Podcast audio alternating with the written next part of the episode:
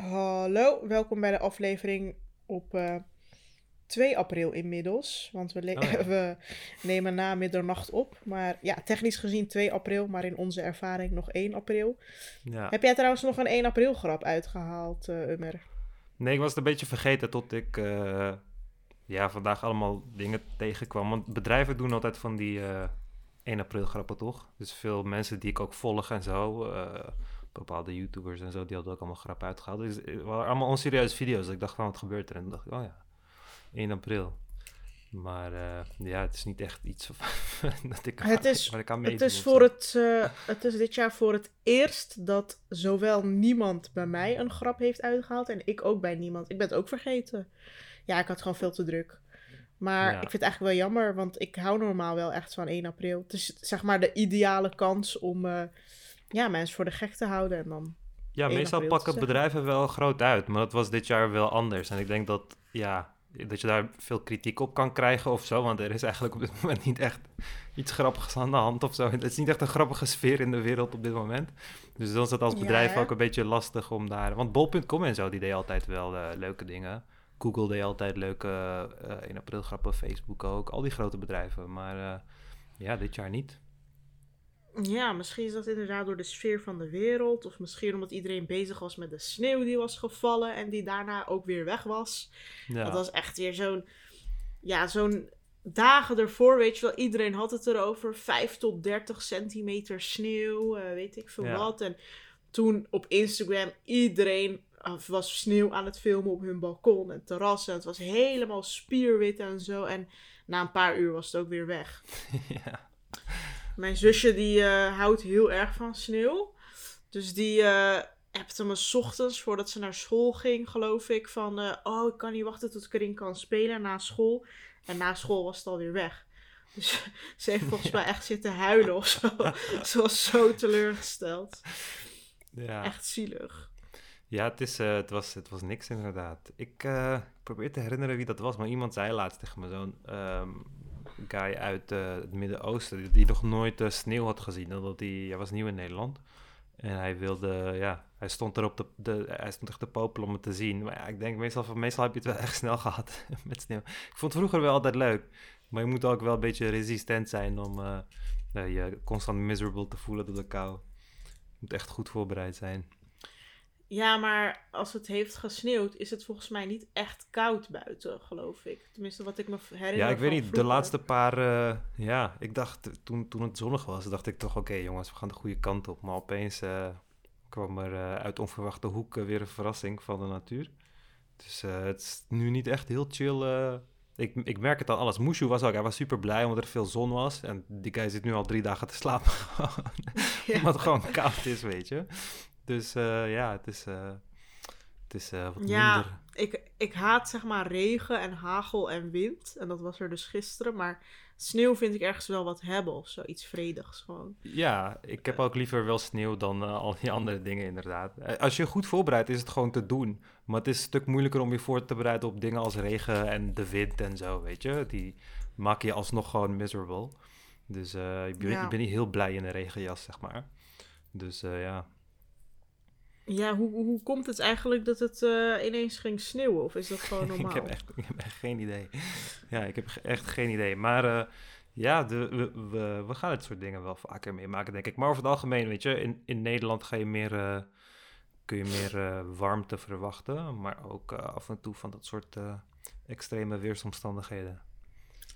Ja, ik had dus. ehm, ik heb dus geen winterjas sinds een maand of zo. En ik dacht van, oh, dan hoef ik er niet eentje te kopen, want het begint al, het begint al warmer te worden. Dus ik ging alleen maar zomerjasjes dragen. En toen was het ineens sneeuw, regen, hagel, kapot koud. En ik had geen jas. En nou, ik heb echt mijn leven gehaat hoor, de afgelopen paar dagen, omdat ik geen jas had. Dus eh, het eerste wat ik vandaag deed was jas bestellen. want als je in Nederland woont, kun je gewoon niet rekenen op het weer. Klaar. Ja. ja, inderdaad. Maar daarom was ik ook een beetje sceptisch over die ehm 5 centimeter sneeuw. Want als dat soort dingen gebeuren, is het altijd ook van het tegenovergestelde van wat we verwachten altijd, weet je. Dan denken we dat dat, dat gaat gebeuren en dan gebeurt het niet. Maar als het, als het daadwerkelijk gebeurt, dan pakt het ons eh, ook vanuit onverwachte hoeken. Dan werd het, werd het milder voorspeld of zo. Dus, Maar eh, ik heb of- het idee dat het, ehm, toen ik klein was, sneeuwde het veel meer en ve- eh, veel Ja, daarom. langer. En het was dagenlang sneeuw. Ja, gemiddeld wordt het wel steeds warmer. Het is, het is kijk, als je bepaalde dingen gaat, eh, bepaalde, ja, hoe zal ik het zeggen, bepaalde waarden, zeg maar. Nou, bijvoorbeeld hoeveelheid CO2 in de lucht. Dat meet je met ppm, parts per billion. Toen ik was geboren was dat 300. En nu, bijna 30, is dat 420. 420 is makkelijk te onthouden. Dus dat is bijna anderhalf keer zoveel. Weet je? Dus dat is Mhm. in een vrij korte ja, tijd is er zoveel meer CO2 in de lucht gekomen. En hoe meer CO2 je in de lucht hebt, des te meer warmte het zeg maar, eh, kan absorberen van eh, de zon. En ja, dat is dan wat je krijgt. En dat merken wij gewoon. In eh, een, een derde mensenleven merk je gewoon het klimaat veranderen. En ja, dat is, niet, dat is echt totaal niet goed. Maar ja, Nou ja, je hebt ook een hoop mensen die zeggen, nou, het is bijna Pasen. Normaal is het lente en zie je de krokusjes en de Ja, maar het was ook- het, het was ook tegelijkertijd de warmste maart ooit gemeten. En daarna Mhm. opeens, eh, ja, opeens sneeuw. En eh, Ja. ja, dat, dat, gaan we, dat soort dingen gaan we vaker meemaken. We hebben als Nederland gewoon eh, geluk dat we niet echt in, in regio zitten waar we last hebben van andere natuurrampen. Zoals, weet ik veel, orkanen, zware stormen, aardbevingen en dat soort dingen. Maar ja, Nederland gaat het eh, niet echt heel erg hebben met... eh, weet je, de meeste ontwikkelde, ont- eh, ontwikkelde landen gaan het niet moeilijk hebben met klimaatverandering. Het is gewoon van, oh, en nu kunnen we deze dingen planten... en nu moet onze agriculture die kant op schuiven. Maar het zijn veelal de ontwikkelingslanden die er problemen mee gaan ondervinden. Ja, precies.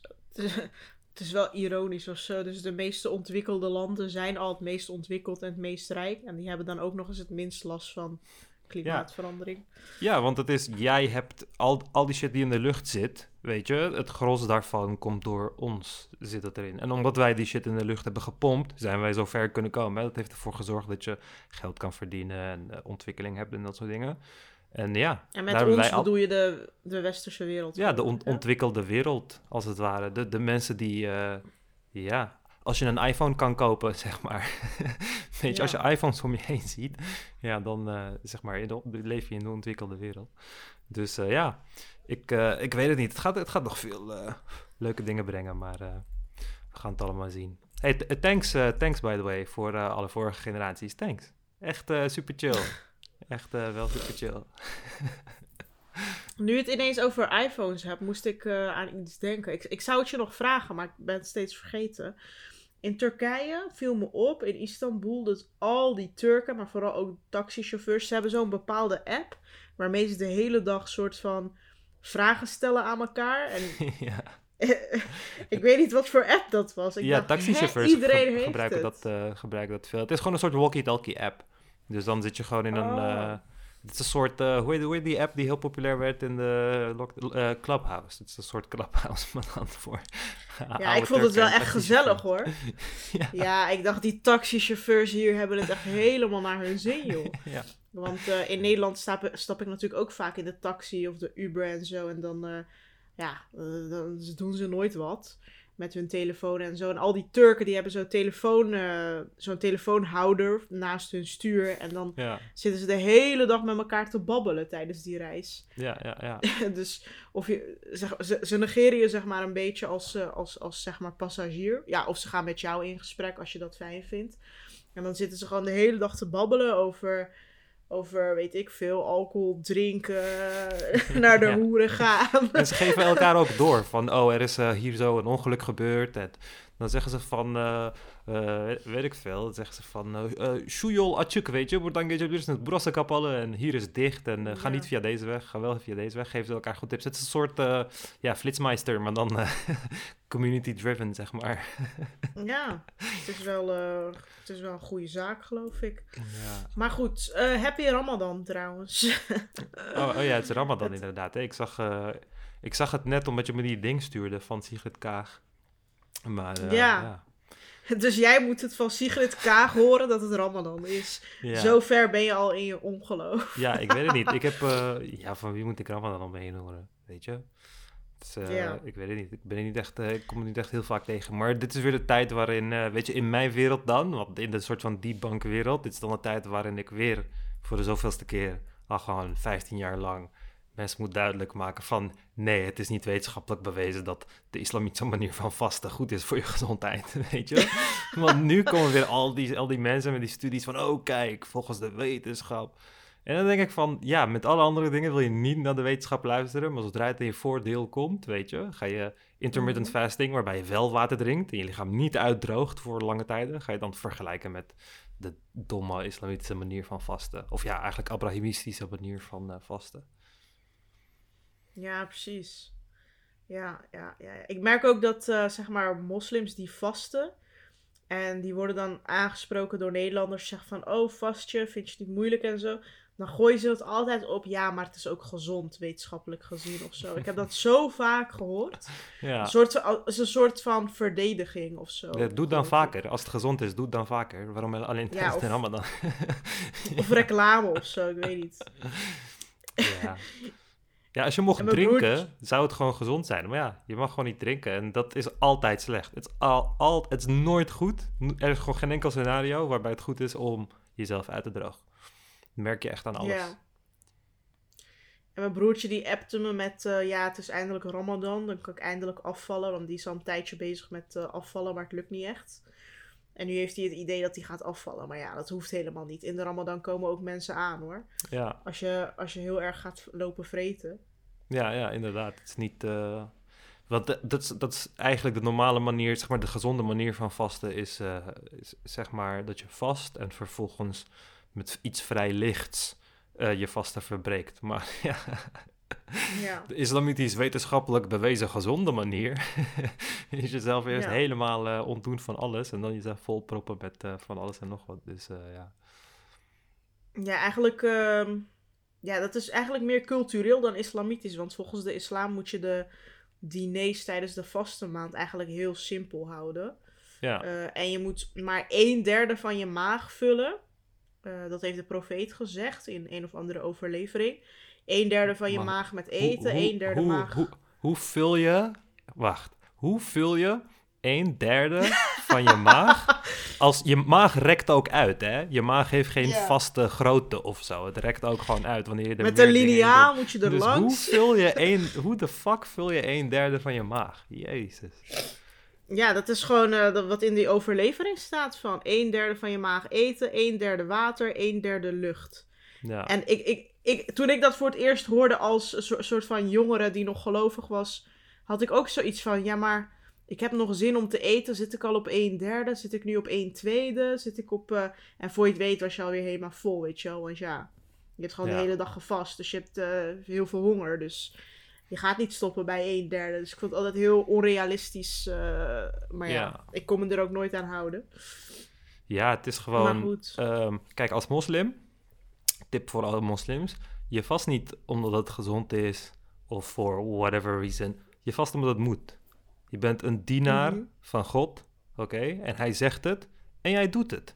That's it. Je hoeft er verder helemaal niks achter te zoeken. Oh, het is gezond en weet ik veel. Dat wordt nergens geclaimd door God of door whoever. Weet je, je doet het omdat God het zegt. Klaar. Dat is, dat, dat is wat je bent. Je bent een dienaar. Dat is wat, je, wat, wat het concept van, een, een- van moslim zijn. Dus eh, hij zegt het en jij doet het klaar. Verder is er helemaal geen reden om er allemaal eh, redenen achter te zoeken. En eh, weet ik het wat allemaal. Weet je wat ik echt grappig vind? Je hebt zeg maar Irakese christenen bijvoorbeeld. Ik kende zo meisjes, kwamen uit Irak en zoals christen. En die hebben dan ook een vaste maand. En dan moeten ze vega- vegetarisch eten. Ja, Dus geen vlees, maar dat is dan hun vaste. Gewoon geen vlees eten en geen snoepen en zo. mhm. En volgens mij hebben de Alefieten, de Turkse Alefieten, hebben ook zoiets. Zo'n vaste maand, maar je mag wel eten, maar het moet allemaal simpel en geen vlees, geloof ik. Ja, volgens Dus mij dat, hebben eh, Joden ook eh, zoiets, toch? Maar dan veel extremer. Dat je ook. ehm, ehm, ja, dat je ook geen. Ja, ik weet het niet. Je hebt toch ook dat je. Dat je. je hebt- hun hebben toch ook een dag dat je geen dingen mag doen. Je mag gewoon niks doen of zo. je mag gewoon geen dingen aanzetten of zo. Ik weet het niet. Ik, heb, ik weet er echt vrij weinig over. Maar ze hebben ook zo'n bepaalde dag waarbij ze niet mogen werken. Ze mogen eigenlijk gewoon helemaal niks doen. Ja, Dus, de, de zaterdag geloof ik. De, wat was het nou? De Shabbat of zo? Ja, geen. Ik heb het allemaal bij godsdienst gehad op de middelbare school.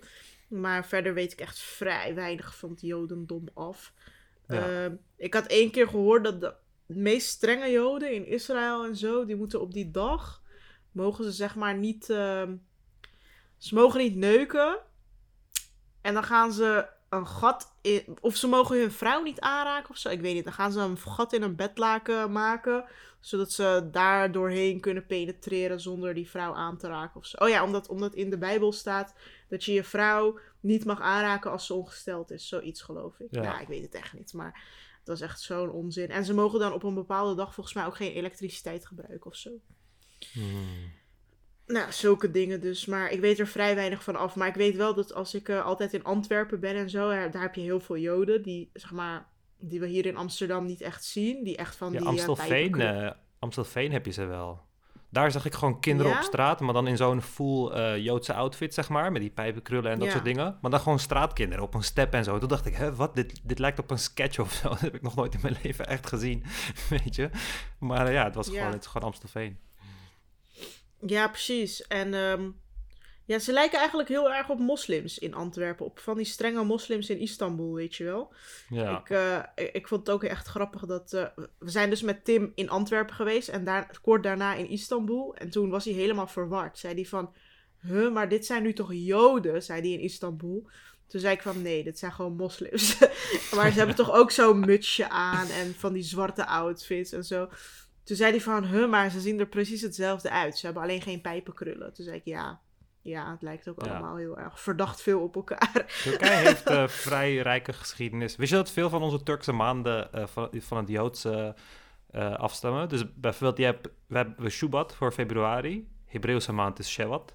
Ja, we hebben bijvoorbeeld Oh, Nisan, Nisan voor april. En het Hebreeuws is het ook Nisan. We hebben Temmuz. In het Hebreeuws is het ook Temmuz voor, voor juli.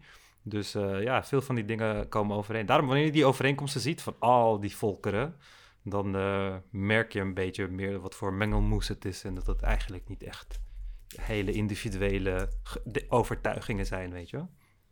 Ja, wat ik ook altijd raar heb gevonden is dat Israël en Turkije, zeg maar, eh, dikke vrienden zijn qua politiek en handel en zo. Want Turkije levert zoet drinkwater aan Israël, geloof ik. En Ja, weet ik veel wat. ehm, ze zijn volgens mij echt eh, politiek gezien de dikste vrienden, zeg maar. Maar dan heeft Erdogan wel een grote mond over Israël. En o- ja, over Palestina en zo. En heel veel Turken ook. Tenminste, de conservatieve Turken.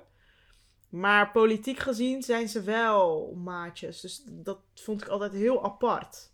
ja dat is gewoon Eh. kapitalisme. Als er geld valt te verdienen, dan ja, ben je vrienden met iedereen. Weet je, ook al... eh, ja, maar ze erkennen gewoon dat land. Bijvoorbeeld alle andere moslimlanden, volgens mij erkennen die Israël nog niet eens. En, Ja. en volgens mij toen, oh ja, toen, toen er in Israël brand was, weet ik nog. Toen was Turkije de eerste die allemaal van die blusvliegtuigen stuurde. En Mhm. hulp en weet ik veel wat. Eh, en toen was ook iedereen zo van. huh, Ik, ik merkte aan mijn Marokkaanse vrienden en zo, die snapten er helemaal niks van. Maar ook Turken niet hoor. Die dachten echt van, huh, Turkije, moslim, Erdogan, Israël helpen. Die snapten er helemaal niks van. En ik ook niet hoor, want ik dacht echt van, huh, ik heb mijn hele leven op de moskee moeten horen dat we Israël moeten boycotten. Dat het Ja. weet ik veel wat. Maar dat, dat, dat komt weer niet overeen met de politiek die ze voeren. Dus het is één grote één groot vraagstuk voor mij nog steeds. Ken het verhaal van, eh, over die Israël boycotten? Maar er, er was in Turkije was er dus een man. Want in Turkije was die Coca-Cola boycott heel groot. Toen gingen mensen op social media gingen ze Coca-Cola flesjes leeggooien in het riool en dat soort dingen. Maar er was toen een man en die wilde iedereen overtreffen natuurlijk. Dus hij, ging, hij nam een lening. en toen ging hij met die lening ging hij een vrachtwagen vol met eh, Coca-Cola kopen. En toen ging hij al die, eh, al die flesjes leeggooien. En toen ging hij dat filmen. Maar hij begreep gewoon Nee. niet dat, zeg maar, je hebt het al gekocht. het maakt niet meer uit wat je met, dat, met het doet, weet je. Al verbrand je het, je hebt het al gekocht. Weet je, je hebt het Ja. geld al gegeven.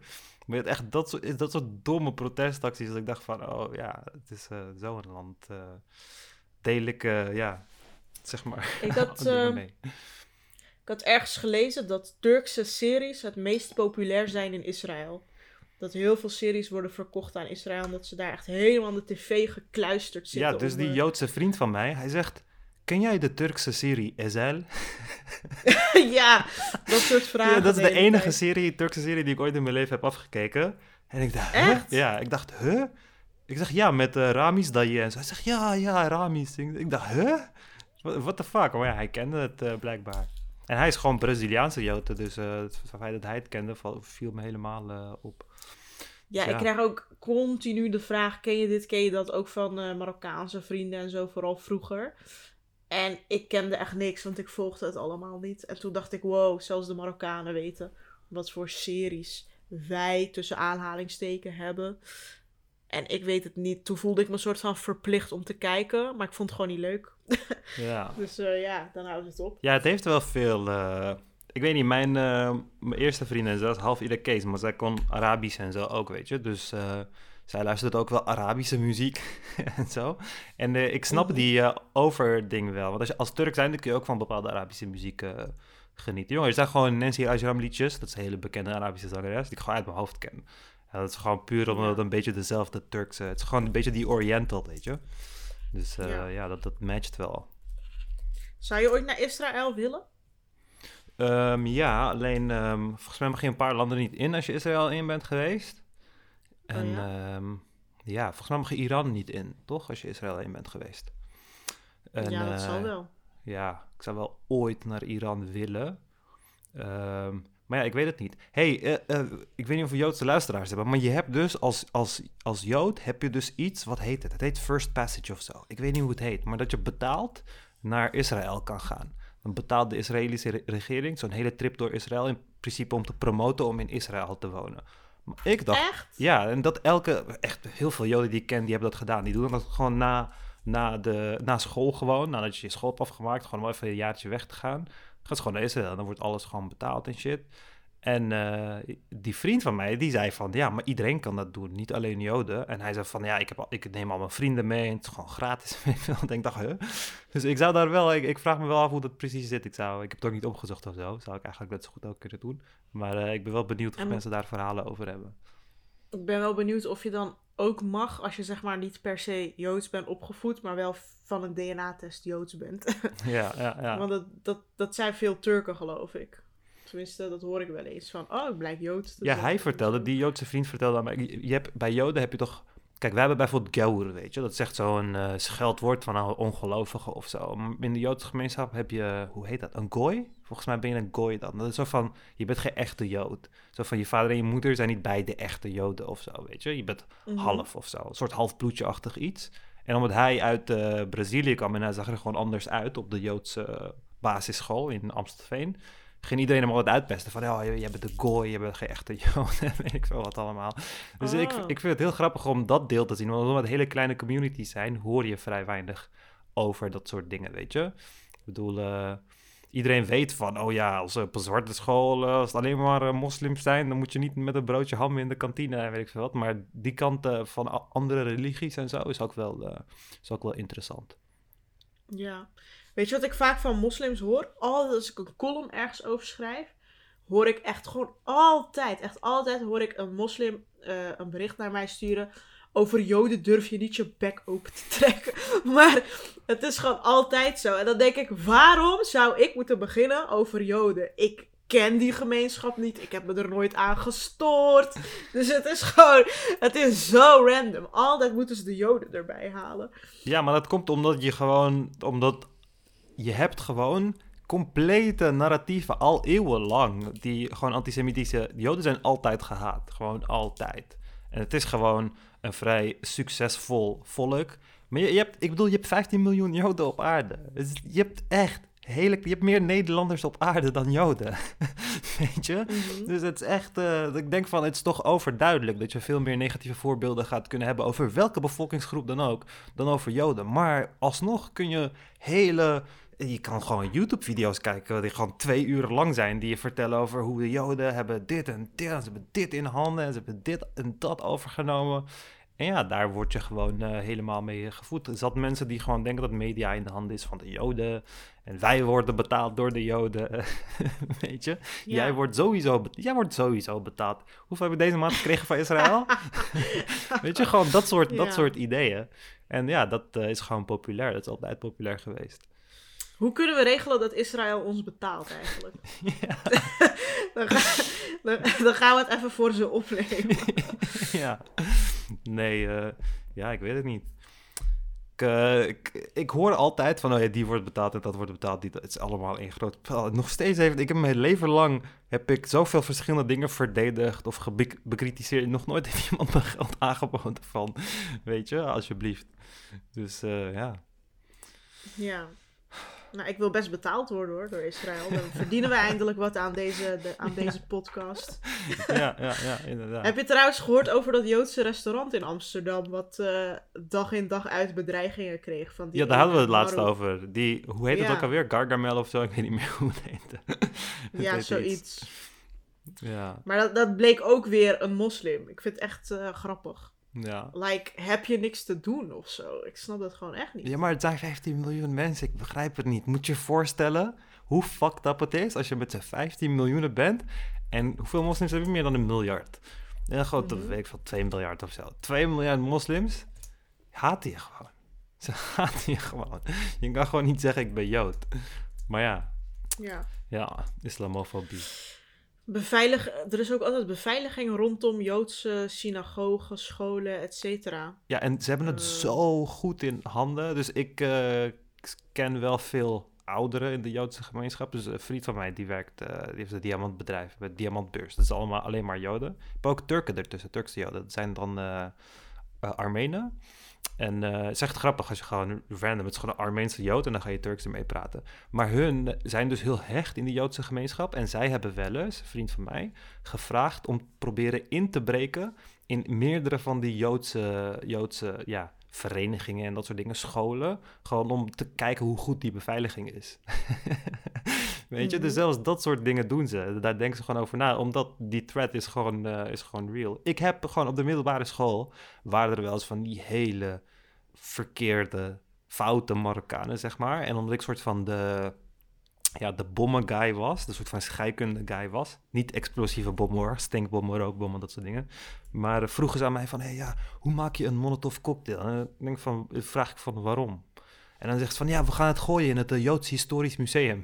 Is dan een 16, 17-jarige jongen, omdat er weer, weet je, tensions zijn tussen Israël en Palestina en whatever. Komt hij hier met zo'n idee? En dan denk ik van, wat? ik besef je hoe extreem hetgeen je net hebt gezegd klinkt. Weet je, maar ja, Ja. dat, dat, dat eh, zit er gewoon in. Dus ja. Je hebt ook die ene rapper, Ismo. Hij heeft Ja. zo'n nummer, eenmans. Fli eh, flikkers geef ik geen hand. En ik haat die fucking joden nog meer dan de nazi's, had hij gezegd. ja, Toen is hij door de Hoge Raad veroordeeld voor het beledigen van homo's en joden. ja. Toen twijfelde ik nog heel erg wat ik daarvan vond. Of het zeg maar, zeg maar artistieke vrijheid was of juist niet. Ik, ik kon niet echt tot een antwoord komen. Wat zou jij zeggen?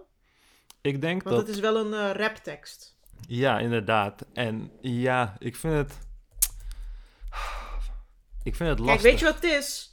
Als je rapt, weet je wel hoeveel mensen je beledigt. Bitches, eh, hoeren, vrouwen, weet ik veel wat. Eh, Je beledigt eh, heel vaak, eh, zeg maar, bijvoorbeeld vrouwen of eh, homo's. Er zijn rapliedjes die vol zitten met niet eens dat alleen, maar letterlijk met moorddreigingen. Er zijn liedjes Ja. die gaan over moord. Gewoon echte moord. Moord die de mensen, die de artiesten zelf hebben gepleegd.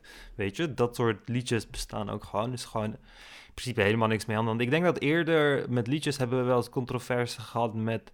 Er was ooit een Geert Wilders dis toen ik jonger was, waarin hij werd bedreigd Mhm. met de dood volgens mij. En er was een clip waarin zijn hoofd werd gebruikt. Wat is gewoon zo'n blond, Oh, ja, geblondeerd hoofd gebruikt. Dat had je.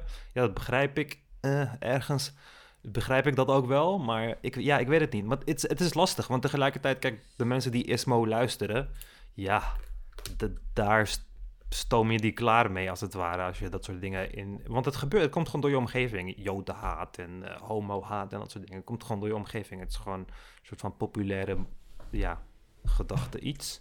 Dus, En eh, vrouwenhaat. ja, vrouwenhaat inderdaad. Dus ja, ik, ik weet het niet. Je kan het verbieden, maar uh, zou echt veel dingen moeten verbieden. Ja, maar hij is dus wel blijkbaar veroordeeld. Ja. Oké. Ja. En um, ik, je had het net over dat, dat die ene jongen niet als echte Jood, maar als, wat zei je? Go Goy, Go ja. zo? Goy werd gezien. Maar ik vroeg me dus af of dat ook geldt voor bekeerde Joden. Want je hebt ook heel veel bekeerde Joden. Ja, blijkbaar is dat heel moeilijk. Um, oh nee, Goy, oh, Goy betekent gewoon... Nee, ik ga het even opzoeken hoor. Maar Goy betekent gewoon niet Joods. Dus noemde hem niet Hmm. Joods. Maar dat doen ze waarschijnlijk, dan roepen ze dat waarschijnlijk ook naar mensen die niet zeg maar helemaal Jood zijn. Want je moeder moet Jood zijn, toch? Dus, Klopt. uh, maar anders ben je toch ook geen Jood, als je moeder niet Jood is. Ja, precies. Dus uh, ja. Ja, ik weet het niet. Het is, uh, het is lastig, maar je kan blijkbaar wel die hele test doen, maar het is echt fucking uh, die hele ja, cursus om Jood te zijn. Maar het is blijkbaar echt fucking moeilijk. Dus uh, ja. Ik vind het trouwens wel iets uh, hebben dat de moeder een soort van de afkomst doorgeeft. Ja, hè? Dat vond ik altijd wel. Want in de islam is zeg maar alles heel patriarchaal. En iedereen is altijd blij met een zoon en niet. Ja, het is ook logischer, want die komt uiteindelijk uit die moeder, toch? Dus, maar ja. Ja. Ja, dus toen heeft mijn Duitse docent, die dus een vriendin van me is, die ook Joods is, die uh, van de middelbare school bedoel ik, Duitse docent, die heeft dus uitgelegd van, ja, als een kind van een moeder is, dat weet je in ieder geval zeker. Maar je weet nooit de vader zeker, zeg maar. Ja. Maar van een moeder weet je het altijd. Want je weet gewoon wie uit haar kut is gekomen, zeg maar. Maar ja, wie het zaad geleverd heeft, het uh, dat kan, daar Ja. kan je heel vaak over liegen en zo, weet je wel. Dus ja. toen dacht Los ik, van- oh, dat is best wel een... eh, Ja, ja het, is wel, het is wel wat eh ja, matriarchaalder, zeg maar. Maar eh, het is... eh, matriarchy.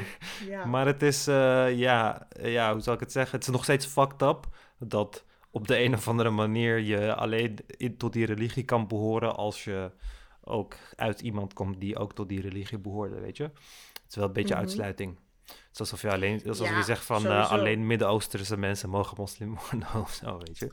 Ja, Dus, maar dat eh, hele jodendom is, is... Ik heb dat nooit begrepen, want dat is heel raciaal. Ja, maar ik, dat... ik heb serieus nooit begrepen hoe je kunt zeggen... wij zijn uitverkoren volk... en de rest van de wereld een soort van onkruid of zo.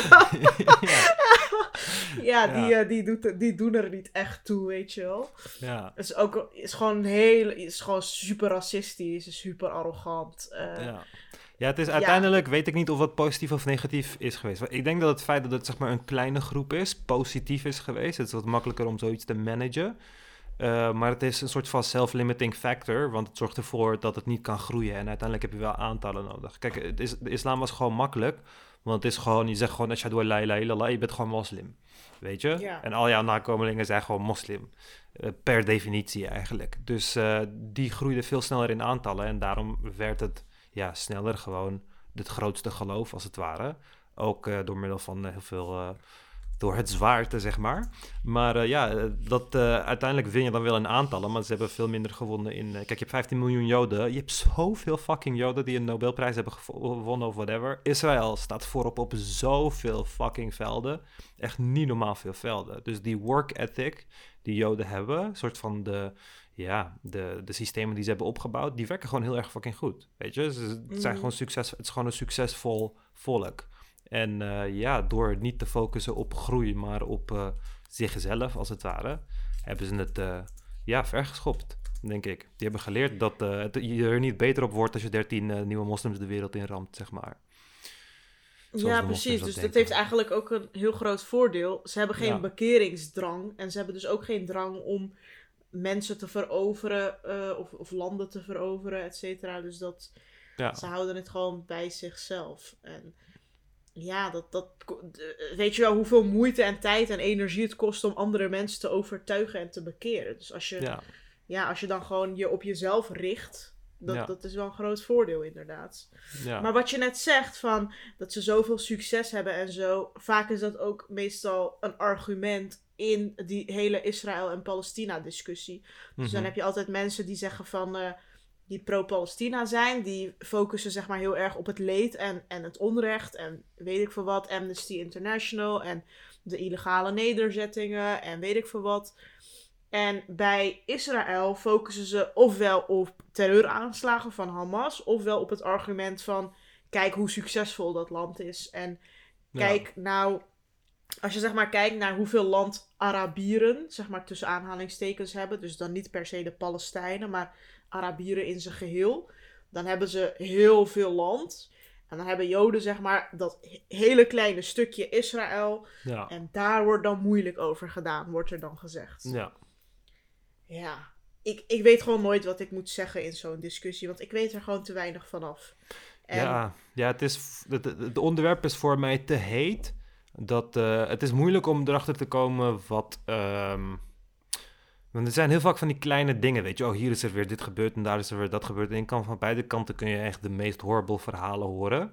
Van ja, ze schieten Ja. kinderen dood en eh, ja, deze steken ons weer neer en whatever. Dus, eh, maar, maar je ziet ook dat alles gespind wordt volgens of het ene narratief of het andere narratief. En ja, dan denk ik van, ja, ik ben geen Jood, ik ben ook geen Palestijn. En eh, verder, eh, net zoals, ja, dit klinkt, het gaat waarschijnlijk heel erg bot klinken voor mensen die echt heel erg zitten in de Palestina-Israël ding. Maar net zoals het feit dat het geen van jullie, zeg maar, boeit wat de fuck er in de Congo gebeurt op dit moment, boeit het mij verder ook niks over wat daar eh, in eh, Israël of Palestina gebeurt, weet je. mhm. Dus eh, het is niet echt iets waar ik heel erg in wil duiken, want ik ga er helemaal geen reet aan veranderen. En het verandert ook niks om een bepaalde kant te kiezen, zeg maar. Ja, het is ook super ingewikkeld. Je komt er niet uit. Ook als je de geschiedenis ervan onderzoekt, weet je wel.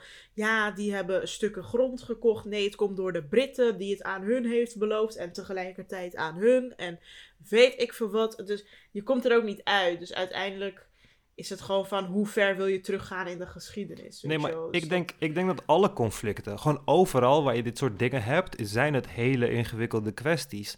Alleen het probleem van de Palestina- en Israël-conflict is dat ze gewoon heel erg goed zijn met PR. Ze zijn gewoon zo goed met media. Er staan ten alle tijden staan er gewoon camera's klaar om alles vast te leggen en met één druk op de knop met de hele wereld te delen. En daarom is het zo'n Mhm. groot probleem. Er zijn veel grotere issues in de wereld die veel complexer zijn. Die vele malen complexer zijn en die veel langer aan de hand zijn. Maar het is Ja. gewoon het meest populaire. En daarom wil ik het me minder laten boeien dan de rest. Want het heeft al een oneerlijke voorsprong. Omdat ze dat deel, zeg maar, controleren als het ware. Omdat ze dat deel in handen hebben. Weet je, in alle andere, eh, eh, alle andere conflicten in de wereld staan er geen, eh, staat er geen rijtje met media mensen klaar om het te delen met de wereld. Want dat is veel te fucking gevaarlijk. Dus Mhm. ja, daarom vind ik het ook jammer dat er zoveel aandacht aan wordt geschonken, zeg maar. Eigenlijk geldt in elke oorlog, en ook bij Israël-Palestina, de rest van de mensheid heeft zeg maar altijd, is geneigd om sympathie te hebben voor de underdog. Ja, Dus elke partij van de oorlog, eh, die gaat focussen op hoe gaan we onszelf underdog maken in de ogen van andere mensen. ja, Dus Palestina is heel erg bezig met, weet je, leed, bloed, kinderen, dit en dat laten zien. En Israël hetzelfde. Die gaan dan weer focussen op, kijk hoeveel terreuraanslagen, kijk raketten. En zo gaat het dan, zeg maar, de hele dag worden wij soort van gebombardeerd met, nee, onze kant, nee, onze kant. En het is maar net wat je te zien krijgt en welke underdog je kiest, zeg maar. Maar er valt voor beide kanten gewoon wat te zeggen, klaar. ja. ja Maar goed. Ehm, even kijken hoor. Waar zou ik het over hebben? Ik had het hier een lijstje gemaakt. Ja, je energierekening was drie keer zoveel, geloof ik, deze week. Ja. Vandaar dat je vandaag zonder Nee, dit, dit jaar al eh, eigenlijk. Het was al vanaf het begin van het, eh, van het jaar. Dus eh, ja, de thermostaat gaat, staat gewoon uit. Staat gewoon uit. En ik zit er gewoon met dekentjes over me heen. En ja, het is wel chill. In hoeverre is dat justified? Dat we, zo, dat we steeds maar een hogere energierekening krijgen als bevolking? Ja, kijk, ik eh, weet dus niet... Ik weet niet heel veel over economie en wat de prijs bepaalt en weet ik veel wat allemaal. Maar wat ik wel weet is dat eh, alle ehm, energiebedrijven, alle bedrijven die energie leveren, of ja, in alle vormen, zijn zeg maar privatized companies. Hè? Dat zijn gewoon privébedrijven.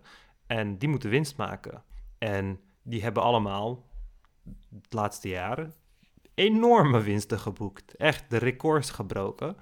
En eh, ja, dat is eh, een beetje het, eh, het probleem waarin je dan zit. Want als dingen. Kijk, als jij een bedrijf hebt en jouw grondstof wordt duurder, dan ga je niet minder winst pakken. dan verhoog je je prijs. Dat is wat je doet. Jij gaat nooit minder winst pakken, want jij moet duizenden mensen, duizenden stockholders moet je blij houden. Je bedrijf moet meer geld verdienen elk jaar, want anders heb je een slecht presterend bedrijf. Dus alle grondstofverhogingen gaan automatisch doorgerekend worden naar de consument. En dat is uiteindelijk wat je ook hebt. Kijk, als het geen privébedrijf waren, als het public companies waren, dus van de regering was en whatever, dan kun je gewoon zeggen van, hé, hey, grondstofprijs gaat omhoog, zorgen ervoor dat we dit jaar minder winst pakken, of misschien helemaal geen winst pakken, en dan gaan de prijzen, de energieprijzen niet omhoog, weet je? Dat zijn soort van de voordelen van public systems in plaats van privatized systems. En dat is wat je in principe overal, overal uh, terugziet. Want het is niet alsof uh, al die bedrijven nu minder geld maken. Nee, ze gaan meer geld maken. Ze gaan allemaal meer geld maken, want dat is hoe het systeem in elkaar zit. En dat is wat een goed bedrijf goed maakt, zeg maar. Dus uh, ja. Ik weet al wat jij de volgende keer moet stemmen, SP. Want het is gewoon precies het SP-verhaal. Ja, maar kijk, tegelijkertijd zijn er ook, tegelijkertijd zijn er ook nadelen aan public companies. Het is niet dat, dat, iemand die hier nu echt helemaal... Uh, want je hebt van die mensen die dan van, oh, privatize everything, weet je. En wat, dat klopt ook, want het zorgt voor dingen als concurrentie en meer ontwikkeling en whatever. Maar we, hebben niet meer concurrentie nodig in de fossiele in, de brandstof... Uh, in de fossiele brandstofindustrie. we hebben ook niet meer ontwikkeling nodig in de fossiele brandstofindustrie. Weet je, het enige wat we nodig hebben is dat we gewoon een voorraad fossiele brandstof hebben die, waar, die we kunnen gebruiken en we ons kunnen focussen op die kraan langzaam dichtdraaien. En, maar uh, dat is niet het geval. Het is nu gewoon, ja, de energieprijs gaat omhoog. Energiebedrijven maken meer geld. Shareholders pakken de, de, de winst, zeg maar. En dat is hoe het, uh, dat is hoe het gaat. Ben jij een shareholder? In uh, energiebedrijven? Nee, ik had heel veel geld kunnen verdienen met, of ja, heel veel geld in relatieve termen, een paar honderd euro, kunnen verdienen met uh, Shell. Maar uh, ja, uit principiële dingen stop ik daar geen geld in. Ja, het systeem is gewoon fucked up en je kan er geld mee verdienen, weet je. Dus in het begin van de pandemie wist ik welke bedrijven goede potentiële kandidaten hadden voor vaccins bijvoorbeeld. Daar heb ik geld in gestopt, weet je. En die heb ik toen, uh, vorig jaar of zo, heb ik dat weer eraf gehaald. Maar dat, dat weet je dan gewoon. Maar ja, je, je doet mee aan het hele kapitalistische systeem. Maar ja, we doen allemaal uiteindelijk mee. Maar het systeem is gewoon een beetje fucked up. Kijk, als bedrijf, uh, als jij, als, als een CEO van Shell nu zou zeggen van... hey jongens, um, ja, uh, we, we, gaan, we gaan dit jaar gewoon minder winst maken... zodat de consument blij blijft, zodat de prijzen omlaag gaan. Dat is wettelijk verboden je shareholders, je board of directors, kan letterlijk jou uh, af, uh, ja, hoe heet zoiets, jou laten ontslaan, jou laten aftreden, omdat jij niet werkt in het belang van het, van het bedrijf. Dus het belang van winstoptimalisatie. Dus als jij niet voor de optimale, er is gewoon een duidelijke weg van, ja, je kan met deze weg kan je zorgen voor meer winst. Als je daar niet voor kiest, weet je, dan, dan kan je, kan je letterlijk gewoon van je plaats, uh, van je troon afgestoten worden. Dus ja, dat is gewoon het systeem dat we hebben gecreëerd. En het is chill, want het zorgt voor technologische vooruitgang en dat soort dingen. Maar tegelijkertijd zorgt het ook voor uh, dingen als de armoede en de dakkeloosheid en de wereldhonger en dat soort dingen. Dus ja, ja. En, en, en tot welke kant ben jij geneigd? ik weet het niet. Kijk, ik heb een hele. Kijk, in mijn Kijk, ik hou heel erg veel van de natuur en survivalen en gewoon allemaal dat soort dingetjes. Vind ik echt heel erg leuk, weet je. Als, als er een zombie-apocalypse komt, dan wil je mij gewoon als beste vriend. Dat sowieso. Ik weet wat je moet eten, ik weet van al die dingen. Ik, ik hou heel erg veel van de natuur. Dus het is ook een droom van mij om gewoon een stukje land te kopen in the middle of nowhere. En daar gewoon een huisje te bouwen en daar gewoon te chillen. Maar tegelijkertijd. Wil Waar is de middle of nowhere volgens jou? Oh, gewoon ergens rural uh, America, ergens in de middle of uh, ergens waar het groen Texas. Een, een. Nee, die Texas is me te warm, maar gewoon ergens een lakehouseje of zo. Uh, je kan heel goedkoop land kopen in Amerika. Dus, maar ja, dus um, dat heb ik echt heel lang onderzocht. Toch? En riolering is echt een probleem. Je moet riolering fixen, dus dat is echt een probleem als je eigen huis bouwt. Maar ja, ik wil al die dingen. Ik wil zo'n simplistisch leven leven. Maar tegelijkertijd wil ik ook een glasvezelverbinding en een soort van amateur lab en een elektronica ruimte en gewoon zonnepanelen en gewoon de laatste technologie, weet je. Dus ik, zit heel erg vast in die twee. En het zijn eigenlijk ook niet twee soort van uh, ja, dichotomies, zeg maar, maar het, het is, uh, ja, je kan die dingen gewoon samenvoegen. Dus ik zie de voordelen ervan.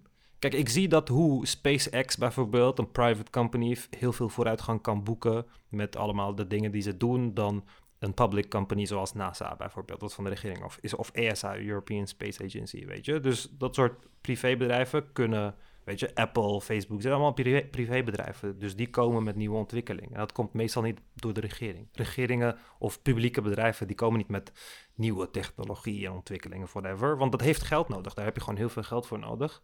Dus ja, het is... Uh, je moet een goede balans daarin vinden. En ja, ik, ik ben die nog niet echt tegengekomen of zo.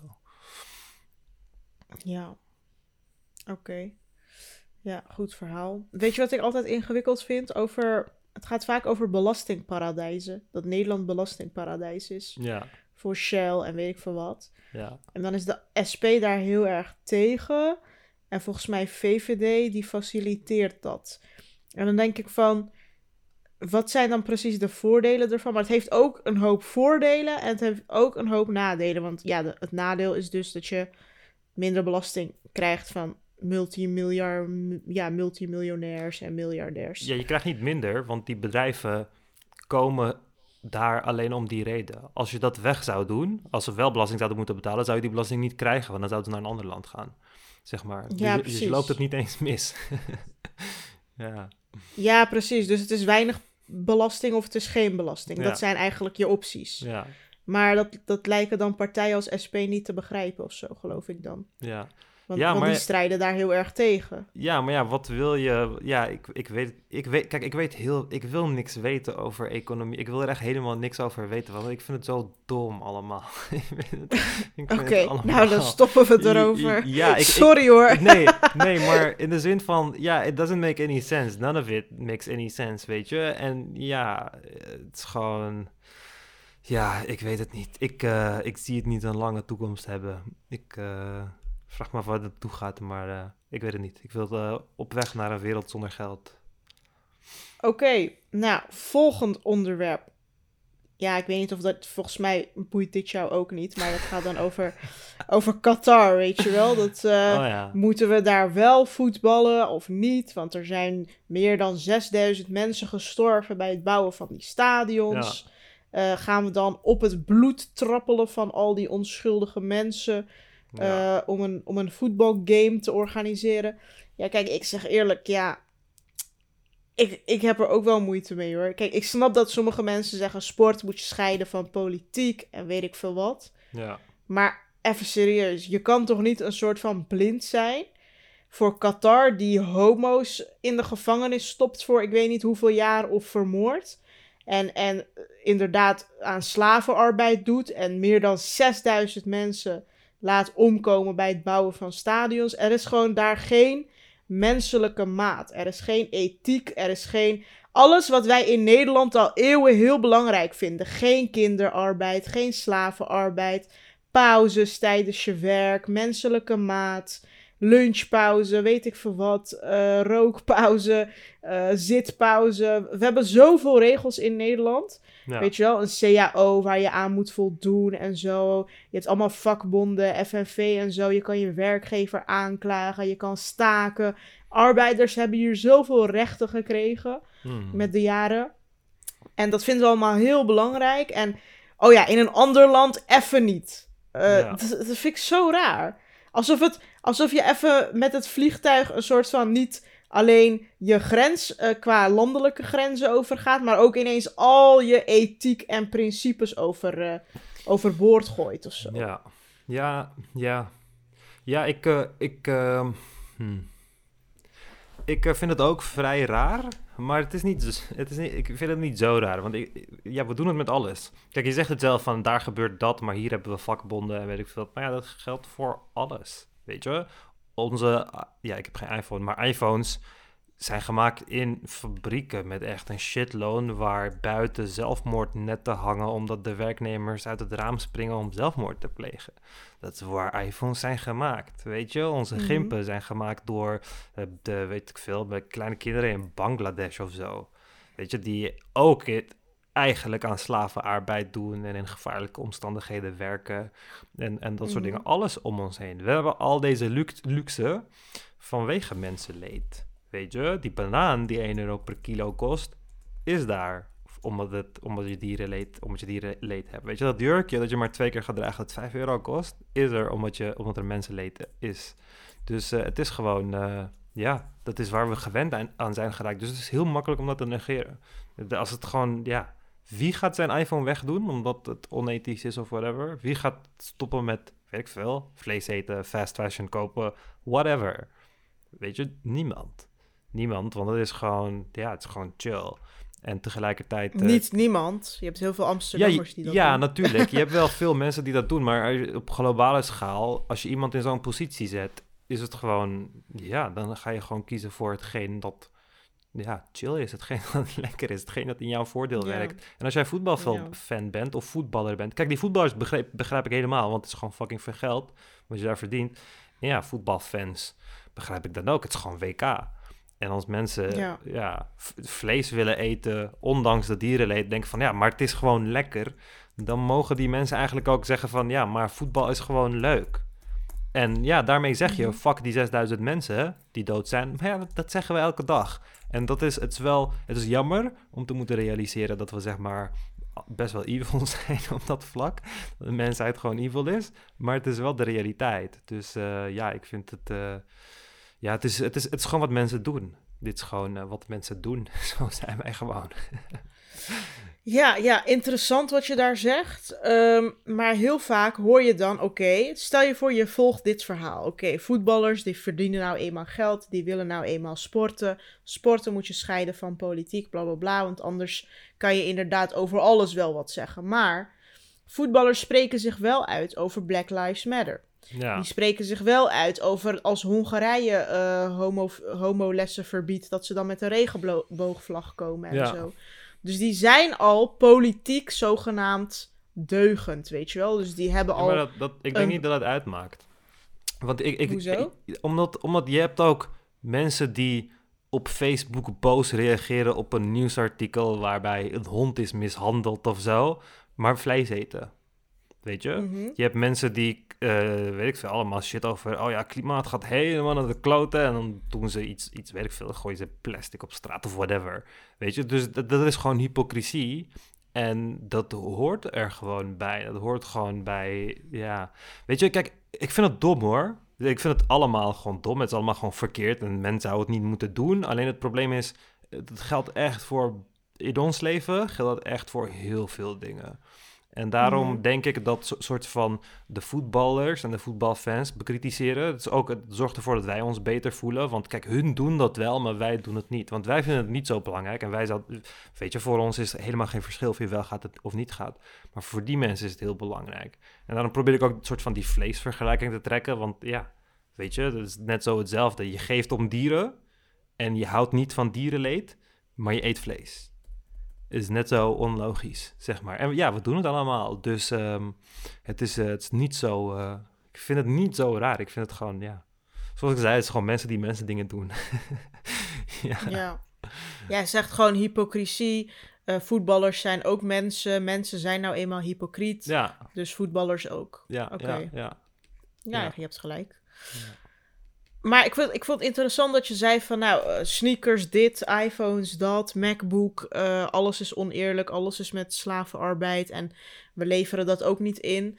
Bestaat er een, kan er, kan er überhaupt een wereld bestaan waarbij we gewoon alles soort van eerlijk doen? Dus ja. al die mensen krijgen ons loon, onze rechten, onze. eh, hoe noem je dat? Eh, gewoon alles wat wij hier in Nederland hebben, krijgen ze ook in Bangladesh, ook in China.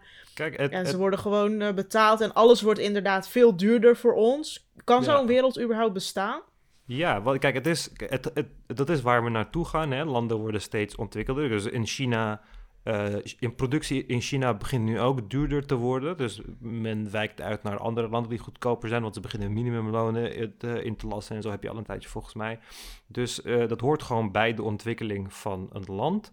Maar daar ligt tegelijkertijd ook je probleem, want iedereen gaat daar naartoe. Hè. Iedereen wordt, zeg maar, er zijn minder armen op, op aarde nu dan ooit tevoren, zeg maar. Iedereen wordt rijker. Het is wel dat, dat de kloof tussen rijk en arm wordt groter. Maar globaal gezien worden armen wel rijker, zeg maar. Meer mensen komen uit, uit de armoede. Dus Mhm. ehm, we gaan sowieso die richting op. Alleen het probleem is dat, ja, dat kan niet. Er is niet genoeg van alles voor iedereen. Dus dat betekent dat je meer moet produceren van alles.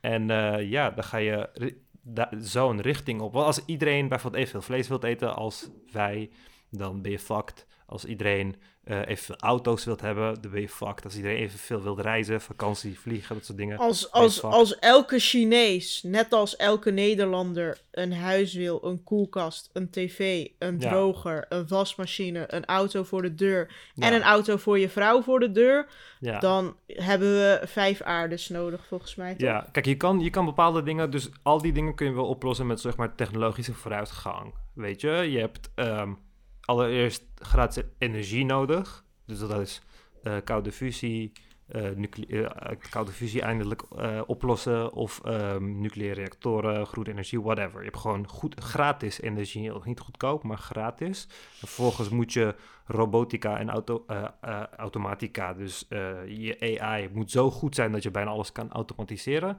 En vervolgens kun je naar een wereld waarin alles gratis is, als het ware. Want als je de mens uit de equation haalt en je haalt energie uit de equation, dan is je grondstof gratis, dus alles is gratis. Los van de initiële investering. Dus dan kan je naar een wereld waar, waarin alles gratis is. En dan kan iedereen wel op dezelfde level leven. Maar we zijn nog wel een paar honderd jaar eh, verwijderd, denk ik, ehm, van, van, van zo'n realiteit voor de hele wereld. Dan. Ik denk dat die wel Mhm. sneller zal komen in de moderne wereld, maar voor de hele wereld. Maar ja, dat is, dat is, dat is het, het probleem. Dat eigenlijk vult niemand. Kijk, niemand zou willen. Als, als, je, als ik nu op een knop zou drukken en iedereen zou precies gelijk zijn, niemand wil dat. Want dat zou betekenen dat, dat wij fucking veel moeten inleveren. Echt fucking veel moeten inleveren. Zeg maar, eh, ik had ooit een. ehm, dus je, je gemiddelde koelkast in eh, een ontwikkelde land, in een persoonshuis, zeg maar, verbruikt in een dag meer elektriciteit dan iemand in, weet ik veel, een of andere A- eh, A- Afrikaans land in een jaar zou gebruiken. Gewoon je koelkast. Mhm. Weet je, je koelkast, waar gewoon wat oude restjes zitten en een paar flessen whatever. Weet je, die gebruikt in een dag meer elektriciteit dan één random Afrikaan in zijn hele leven. Dus het zijn, wanneer je dat zou uitvertelen over de hele mensheid, dan ga je echt veel eh, inleveren. En dat willen we niet. Dat willen we gewoon niet, want we zitten aan de top en je wilt blijven zitten aan de top. Sterker nog, we willen hoger die top in. En eh, ja, het voelt gewoon goed, want eh zolang er mensen zijn die armer dan ons zijn, zijn wij niet arm, zeg maar. Dus ja, niet echt iets Ja. waar iemand naartoe wilt. Ik, ehm, ja, goed verhaal. Ik zie dat we een uur aan het opnemen zijn. Zullen we hierbij afronden? Eh, ja, is goed. Dan gaan we volgende aflevering verder praten, want ik heb nog heel veel onderwerpen. Ehm, voor de mensen die ons willen steunen, dat kan op ikgaleven.backme.org. Dat hebben we hard nodig. Ik krijg wel eens van die passief-agressieve berichten soms. Van, eh, ja, eh, als je eh, meer... eh, als je wil dat je podcast groeit, moet je wel regelmatig uploaden, et cetera. Of als je wil dat je meer donaties krijgt of zo. En dan denk ik, nee, Einstein, dat is de omgekeerde wereld. Want wij maken deze podcast nog steeds niet met winst. Dus het is een dienst, een gunst van ons. En omdat we er zelf nog plezier in hebben. Maar het is volledig vrijwilligerswerk. En dat staat gewoon buiten kijf. Ja, Want het geld tot nu toe is nog niet eens genoeg om de camera's en de SD-kaartjes te betalen. En jouw treinkaartjes naar Amsterdam. ja. Dus hold up your horses. Pas als wij echt hier geld mee verdienen en we uploaden niet, dan mogen luisteraars klagen. Dan hebben ze het recht. Ja. Maar nu is dat echt nog lang niet het geval. Ja, maar ja, Dus dan, dan hebben we ook ook gewoon, eh, dan hebben we ook gewoon waarschijnlijk gewoon vaste tijden. En eh, ja, Ja, dan, precies. dan moet je gewoon verschijnen, want het is gewoon werk, wordt het dan, hè? En, Precies, maar nu is het nog ja. eh, helemaal geen werk, want jij werkt fulltime, ik werk fulltime. We nemen dit, het is nu ook weer bijna half twee s'nachts. We nemen dit altijd in onze eigen tijd. Vrijwillig is gewoon een soort vriendendienstje wat we nu doen.